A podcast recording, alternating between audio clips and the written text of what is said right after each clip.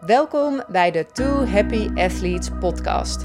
Hier krijg je inspiratie, kennis en concrete tips om samen met je paard een absoluut dreamteam te worden. Mijn naam is Mirjam Vree van Straten, ruitercoach bij Horsepower Lifepower en oprichter van de Two Happy Athletes Academy. Ik help ruiters en hun paarden te groeien naar die ultieme samenwerking. Naar emotionele, mentale en fysieke kracht en verbondenheid. In deze podcast neem ik je mee in die Two Happy Athletes wereld, zodat ook jij en je paard een team van twee Happy Athletes worden, die samen bewegen als één. Heel veel luisterplezier.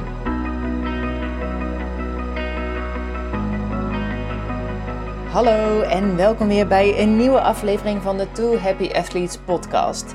En vandaag wil ik iets met je delen dat, ja, waar je misschien zelf ook wel je inzichten uit kan halen en um, ja, ik denk dat het wel waardevol is om te delen.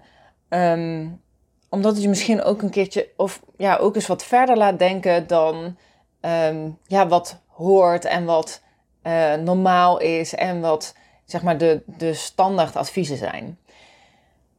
En om uh, ja, je uit te leggen wat ik daar nou precies mee bedoel. Uh, van de week was ik uh, met Elise aan het rijden en ik ben al een tijdje aan het kijken, ja, aan het zoeken eigenlijk naar een meer um, verzamelde houding bij haar. En dat vindt ze echt hartstikke moeilijk, want uh, Elise is een prachtig paard, dat vind ik zelf ook, maar ze is wel iets neerwaarts gebouwd. Um, en dat betekent dus ook dat ze soms moeite heeft om zichzelf aan de voorkant te liften. Uh, en achter daar ook echt bij elkaar te komen. En um, haar neiging daarbij is om dan strak te worden. Dus ze komt wel meer bij elkaar, maar dan in een meer um, ja, strakke, gespannen manier. Dus de, het frame wat ze dan heeft, de houding is in principe goed, maar het is niet losgelaten. En ik was daar zo over nadenken, zo van ja, wat heeft ze nou eigenlijk nodig om in die verzameling uh, haar lichaam ook los te kunnen laten, om die spieren ook te kunnen ontspannen naast alleen te aanspannen. En ik had tot nu toe niet echt een goed eh, antwoord daarop, behalve van ja, ik moet gewoon meer oefenen of ze moet gewoon meer sterker worden. Maar ik vond dat zelf eigenlijk ook niet zo'n heel goed antwoord. Ik dacht, ja, nee, dat. Um, alleen maar meer doen van hetzelfde in de hoop dat het beter wordt, terwijl er niet echt een verbetering zichtbaar is. Volgens mij is dat niet heel effectief. Dus ik dacht, nee, ik moet daar toch beter over nadenken. Ik moet daar toch uh, meer mee gaan experimenteren en verder zoeken naar um, ja, iets wat haar uh, wel kan helpen. En deze week was ik gewoon eigenlijk in gedachten ook um, lekker met haar aan het spelen aan een lange teugel. En uh, nou, ze liep eigenlijk hartstikke fijn. Dat vindt ze namelijk wel heel prettig. Lekker lang en laag en lekker los. En ja, dan is ze ook altijd super fijn los. En dat swingt dan helemaal onder je door. Dat is ook echt heerlijk. Maar ja, zodra ik het dan bij elkaar ga rijden, dan treedt er vaak wel wat spanning op. En ik denk ook wel dat best wel veel paarden hier last van hebben. Dat op zich een een lang losgelaten frame um, en houding, dat dat op zich wel goed gaat. Maar zodra het bij elkaar moet komen, dat het dan moeilijk wordt. En ja, dat je paard dan gaat opspannen. En dat is natuurlijk um, een beeld waar je niet naartoe wilt. Dat is ook niet een gevoel waar je naartoe wilt. En ik denk wel dat je dat ja, misschien ook wel herkent in de wedstrijden. Dat als mensen echt een paard meer bij elkaar gaan rijden, dat er dan ineens heel veel spanning bij komt kijken.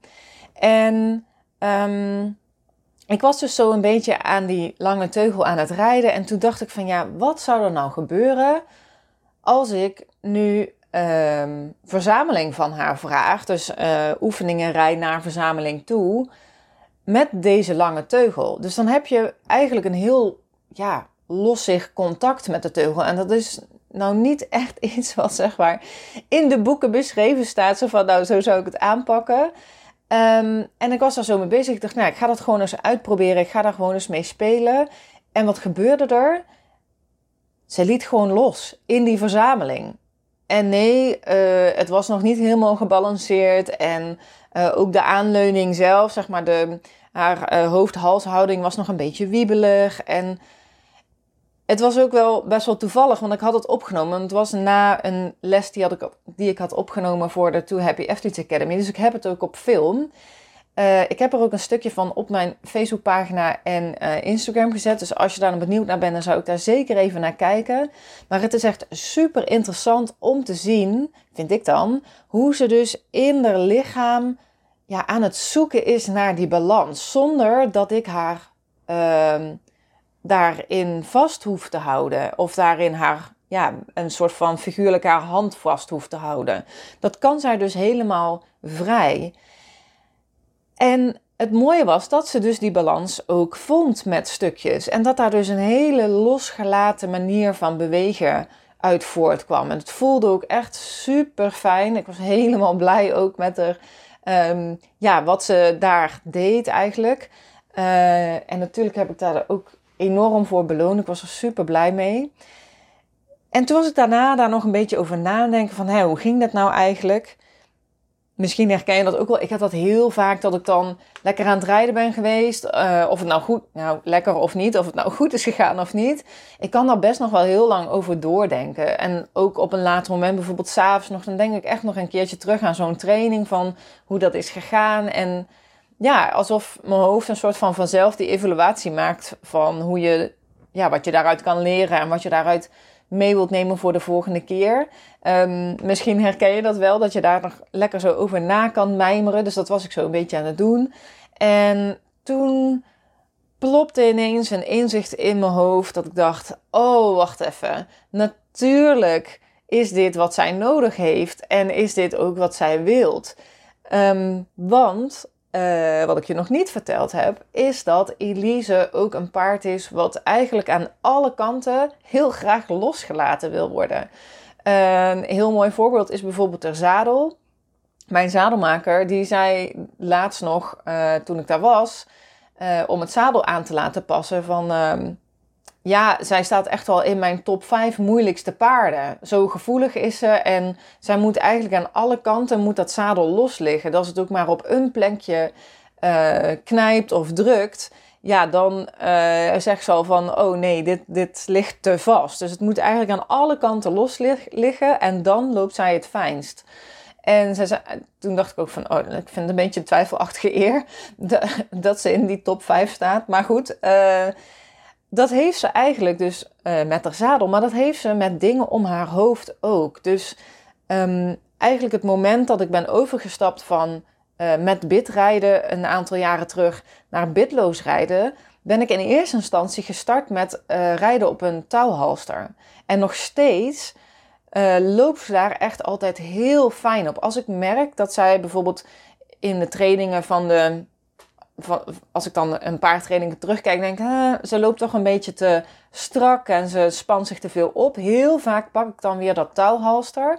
Waarom? Omdat dat zo heel los om haar hoofd heen zit. En op de een of andere manier doet dat ook iets met mijn teugelcontact. Dus ik ben dan ook, heb ik dan ook de neiging om meer aan een wat langer en losser teugeltje te rijden. En ik merk dus dat dat altijd heel goed werkt bij haar. Dat ze dus dat heel prettig vindt en dan echt lekker los kan laten in haar lichaam. Um, en um, nu natuurlijk is het wel zo dat een touwhalster um, minder verfijnd is dan bijvoorbeeld een sidepool. Ik gebruik normaal gesproken voor haar een sidepool met uh, eigenlijk heel simpel is een neusriem met een uh, zacht neopreen dingetje eronder. Ook weer heel zacht. Dat is echt iets wat zij heel prettig en fijn vindt. En dat is natuurlijk, daar kan ik natuurlijk veel verfijnder uh, hulpen aangeven. Maar ja, dat zit wel vaster om haar hoofd. Sterker nog, ze heeft het bijvoorbeeld ook met een halster. Heel regelmatig ga ik haar halen uh, uit de paddock. Komt ze heel blij aanlopen. Wil ik haar hoofdstel of de halster omdoen. En dan doet ze gewoon haar hoofd omhoog. Van nee, dat wil ik niet. Ik wil best met je meelopen, maar dat halster, dat wil ik niet. Doet ze overigens niet alleen bij mij, maar ook bij stalgenoten. Dat is heel hilarisch. Um, en dat heeft ze bijvoorbeeld ook met het hoofdstel omdoen. Ze is er niet... Um, ja, als ik er vraag om haar hoofd naar beneden te doen en om dat hoofdstel om te doen, uh, wat ik ook maar om haar hoofd doe, dan, dan doet ze dat ook. Maar ze geeft eigenlijk altijd wel aan van ja, liever niet. Ik heb liever niet iets om mijn hoofd. Dus um, ja, als ik, dat, als ik daarover nadenk, dan denk ik ook van ja, precies. Natuurlijk gaat dat haar helpen als ik haar meer vanuit een losse, uh, van, vanuit een los teugelcontact bij elkaar probeer te rijden, omdat zij dan ook echt de vrijheid heeft om haar eigen balans te vinden. En dat is ook echt iets waar zij heel goed mee kan dealen. Maar dat is dus wel iets wat, ja, wat normaal gesproken natuurlijk niet aangeraden wordt. En ik bedoel helemaal niet te zeggen dat aangeraden wordt om je paard maar heel strak te pakken en, uh, maar, en, en op die manier zeg maar de collectie of de, de collection wilde ik zeggen, de verzameling uh, te krijgen. Uh, maar wel dat, ja, dat je er wel een teugelcontact moet hebben om dat überhaupt voor elkaar te krijgen. En ja, dat vertelde me ook van nee, soms is het gewoon anders. En um, waarom is het dan anders? Omdat je paard dat aangeeft. En dat wil ik je denk ik ook meegeven in deze podcast. Dat op het moment dat je merkt dat je niet vooruit komt. Of dat je merkt van hé, hey, zoals het, ja, zoals het zeg maar normaal gesproken zou moeten lukken of zou moeten gaan. Um, dat werkt voor ons niet. Probeer dan eens verder te kijken. Probeer het eens een keertje om te draaien. Probeer gewoon eens het tegenovergestelde te doen van, um, van de normaal. En durf daarin ook te experimenteren. Je kan namelijk niet heel snel echt iets heel erg verkeerds doen. Um, hoewel we dat misschien wel vaak denken. Dat je als je iets heel anders gaat doen dan anders. Van, ik hoor dat heel vaak bij ruiters van ja, nee, maar straks gaat dat mis. Of dan doe ik iets verkeerd en dan heb ik het voor altijd verprust. Nee, je kan echt in. Dat is nou juist echt het mooie van trainen. Je kan altijd weer iets nieuws trainen. Dus ook als je een gedrag hebt getraind. Stel nou hè, dat ik um, met deze. Met dit experiment, dat, ik, dat ze ineens heel hoog was gaan lopen met haar uh, hoofd, of helemaal de rug had weggedrukt, of dat ze uh, het op een lopen had gezet, of iets anders waarvan ik dacht van, oeh, dat is eigenlijk helemaal niet wat ik wilde. Dan kan ik daarna gewoon weer iets anders proberen. Je bent daar vrij in. Eigenlijk zoals Elise aangeeft van uh, ik heb die vrijheid nodig om, um, om die nieuwe balans te vinden in die verzameling en om in die nieuwe balans ook mijn lichaam los te kunnen laten. Zo mag jij zelf ook die vrijheid pakken. Zo mag je zelf ook vrij zijn om te spelen met de oefeningen en gewoon eens te kijken van hé, hey, wat gebeurt er nu? Want alles wat je paard teruggeeft, dat is allemaal informatie voor je. Dat is niet een kwestie van goed of fout. Uh, dat is een kwestie van, hey, gaat dit een richting op die ik bedacht had? Of moet ik misschien toch iets anders proberen om uh, wel die richting op te gaan die ik bedacht had? Dus um, ja, daarvoor wil ik je uitnodigen om daarin ook zelf echt te gaan experimenteren. En daarin ook zelf echt te gaan uh, spelen met de oefeningen, zoals ik al zei. En op die manier te kijken of je weer een stapje verder kan komen. Zonder dat je je laat tegenhouden eigenlijk door ja, ongeschreven regels of uh, dingen die je misschien in boeken hebt uh, gelezen. Kijk eens of je het gewoon helemaal op een andere manier kan doen. En wees nieuwsgierig naar wat er dan gebeurt. Wat kun je daar uithalen? En het kan hè, dat, dat je denkt, oh nee, dit is het helemaal niet voor mij. Dat is ook prima. Maar weet dus, je kan altijd weer terug. Je bent veilig om daarin te experimenteren. Je maakt niet zo snel iets stuk. Training is, ja, dat is echt de schoonheid van training. Dat je altijd weer nieuw gedrag kan, uh, kan trainen. Dat is nou juist de kracht daarvan. Um, ja, ik ben heel benieuwd wat je hiervan meeneemt. En misschien ook een mooie vraag om jezelf te stellen aan het eind van deze uh, aflevering. Zo van, oké, wat haal ik hieruit mee? En wat kan ik nu anders doen? Wat ik eigenlijk altijd al hetzelfde heb gedaan, maar van ik merk dat het maar weinig progressie geeft. Of dat het me maar weinig verder helpt. Pak daar eens iets uit, uit je eigen training, dat je denkt, hé, hey, maar dat ga ik nou eens omdraaien, anders doen, op een andere manier aanpakken. Puur vanuit nieuwsgierigheid en vanuit het idee van experimenteren. En als je nou merkt van, uh, ja, leuk Mirjam, dat experimenteren en uh, dat spelen en nieuwsgierig zijn, maar uh, hoe doe ik dat?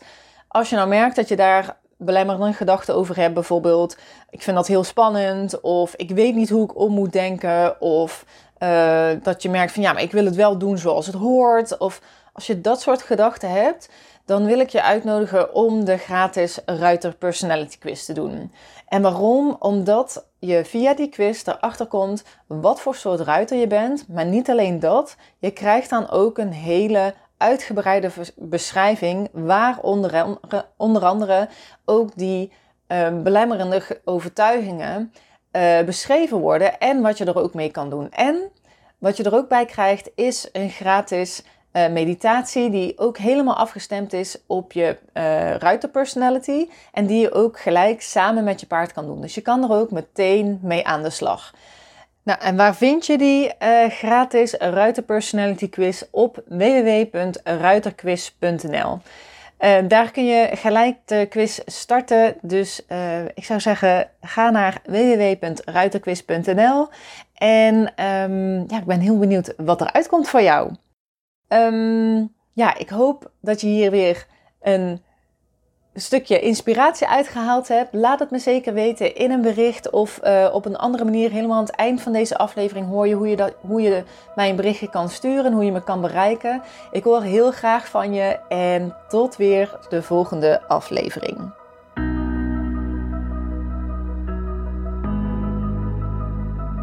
Heel leuk dat je luisterde naar de Two Happy Athletes podcast. Dankjewel. Ben je nu al benieuwd naar de volgende aflevering? Abonneer je dan op deze podcast. Klik daarvoor in je podcast-app op de button subscribe of abonneren. Dan ontvang je automatisch een berichtje als er weer een nieuwe aflevering verschijnt. En gun je je paardenvrienden en vriendinnen ook een ultieme samenwerking met hun paard? Deel de Two Happy Athletes podcast dan met ze. En wat helemaal tof zou zijn, geef deze podcast een review via je podcast-app, bijvoorbeeld op iTunes of Spotify. En dan kunnen andere ruiters deze podcast ook weer beter vinden. Alvast super bedankt daarvoor.